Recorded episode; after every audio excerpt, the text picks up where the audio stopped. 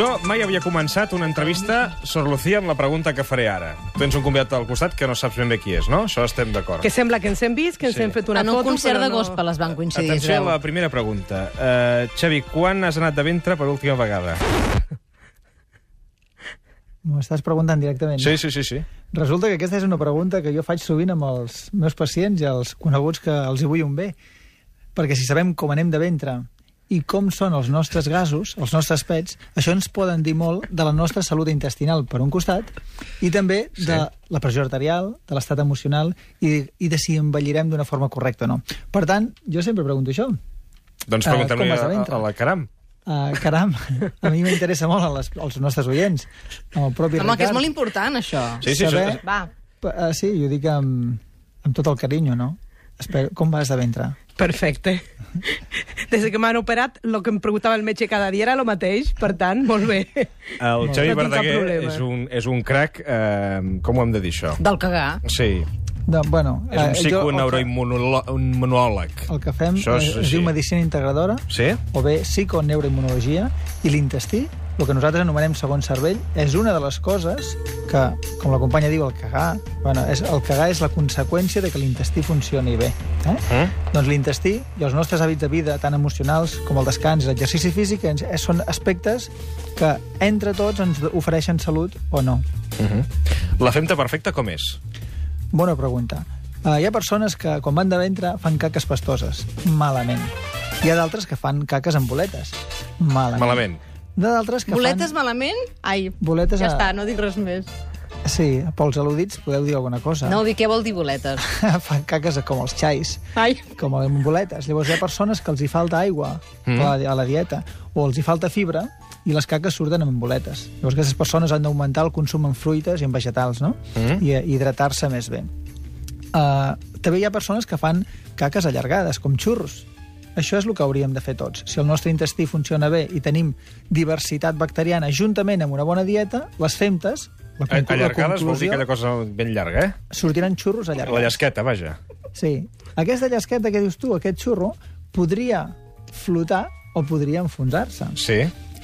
Si flota o s'enfonsa, també és important. Les caques s'han d'enfonsar. Les caques que floten, se sap que és per un excés d'un gas que es diu metà.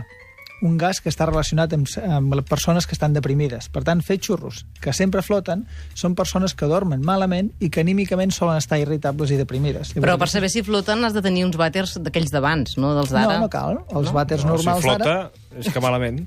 Sí, si no tens l'hàbit de posar-hi paper, que en acabat no pots veure si flota o no, perquè senzillament s'apoya el paper per no esquitxar-te, llavors no podràs entendre això, no? Uh -huh. Però- I aleshores, si, si ens passa això, o sigui, la femta ideal, per tant, és... Xurros, Xurros? la femta ideal són xurros allargats Sí? que s'enfonsin. Quan això és així, jo pràcticament tinc la seguretat que aquestes persones fabriquen suficient serotonina, un neurotransmissor que s'encarrega de treure inflamacions, per un costat, de, de que no sentim dolor, que s'encarrega de dormir a les nits i que ens, té molt a veure amb, el nostre, amb la nostra memòria i amb el nostre estat d'ànim. A més, l'hormona que ens ajuda a estar feliços. És l'hormona de la felicitat, no? De fet, Manel té aquesta cançó, no?, de Puja la serotonina, que ve a explicar això, que és com la, la substància de l'amor, una mica, no?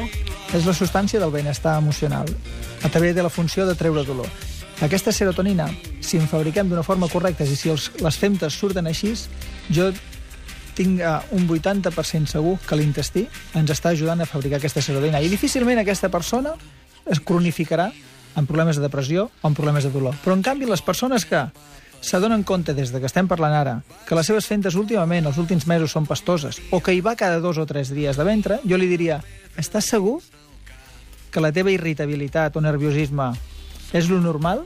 Perquè si no vas bé de ventre, segur que aquesta carència de serotonina et donarà problemes emocionals. Persones deprimides i amb problemes d'insomni o d'angoixa són les mateixes persones que no van cada dia de ventre per un costat, o bé que en un dia hi van tres vegades i solen fer caques pastoses. Llavors, la relació entre el primer cervell, la nostra salut emocional, i el segon cervell és um, íntima. Estem parlant de lo mateix, realment. Sí. Segon cervell seria l'intestí, eh? El segon Salutacions del Pep Noguer, eh, que sé que feu coses junts, perquè ell és l'alimentació i tu... Sí. Sí. Tu esperaves, Lucía, aquesta sorpresa? No m'esperava aquesta sorpresa. Però em sembla molt important tot el que diu, perquè és veritat. Eh, fa precisament quan em van operar una, un- una persona que va venir a visitar-me, em deia que el metge li feia les mateixes explicacions que estàs fent tu. I ella em deia, em va agafar un ataque de riure davant del metge. Diu, pues bueno, mira, És clar que sí. Llavors, els nostres hàbits alimentaris són els que al final condicionen el tipus de bactèries que tu tindràs a l'intestí, que són les bactèries que fabriquen aquests neurotransmissors. Així doncs, tots tenim la possibilitat d'escollir aliments que en el fons et mantindran una bona salut emocional i que al dia a dia estiguis doncs, en un estat de felicitat, que no tinguis pujades i Clar, baixades. La Noemi ens pregunta a través del Twitter quan és el màxim de dies que pots estar sense anar al lavabo. El màxim de fisiològics, el O sigui- normal és que vagis de ventre un cop o dos cada dia. Però vull dir que hi ha gent que li costa molt, o sigui, quan és molt greu, quants no, no, dies ja has sense d'anar anar-hi? un o dos. Si no, és que no van bé les coses. Si el problema és intestinal, es pot És que ella diu que s'ha estat una 10 setmana. dies. Sí, hi ha gent que hi està una setmana o 15 dies.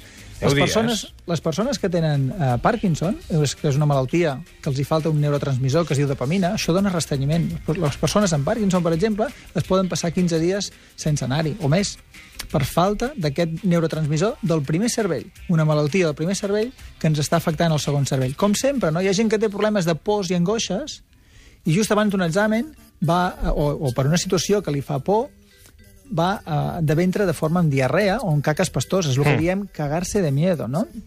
La Sor Lucía, abans de que t'operessin, dius, és probable que el dia abans, anant de ventre, les caques fossin més pastoses. Ho dic per la inseguretat. Hi ha altres persones que van de vacances, un lloc que no coneixen, insegur, i es passen una setmana durant les vacances que no poden anar de ventre. Fins que...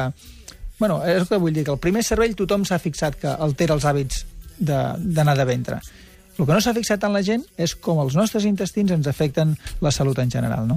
Em recorda quan estic sentint a un capellà molt vell, molt vell, que sempre deia que per ser feliços necessitem dues coses. Una, tenir la consciència tranquil·la i el ventre en funcionament correcte. Doncs mira, són Tenia els raó, serveis. eh? Mira. Té raó. Sí, sí. El Xavi és un autèntic crac i, de fet, no pares de fer conferències, et veiem a tot arreu, bogeria col·lectiva per escoltar-te allà on vas, sempre va entendre on hi ha el Xavi Verdaguer i està tot ple, tot venut o tot, eh, tot ocupat. Per tant, avui t'agraïm moltíssim que hagis fet un forat a l'agenda per sorprendre amb aquesta lliçó clau sobre com hem d'interpretar la nostra, la nostra femta. Moltes gràcies. Ara, de fet, eh, estem, tenim, tenim un projecte amb la productora del Terrat, Sí. amb els teatres de- d'aquí a Catalunya i a Espanya, eh, concretament el Teatre Barts, el 12 de setembre. Tornem a fer una altra conferència que es diu el Transforma't, que són explicar hàbits de vida per millorar la nostra salut eh, hormonal i la nostra salut intestinal doncs, per decidir com resoldre els nostres problemes de salut. Sala Barça, 12 de setembre. Sala Barts, 12 de setembre, sí senyor. Doncs ho vindrem a veure. Xavi, moltíssimes gràcies. Un plaer. Sor Lucía, gran temporada. Moltes Moltíssimes, gràcies. moltíssimes gràcies per la confiança. Bones vacances i records a tots els amics. Vinga, Bon estiu. Fem una pausa, notícies i ara tornem.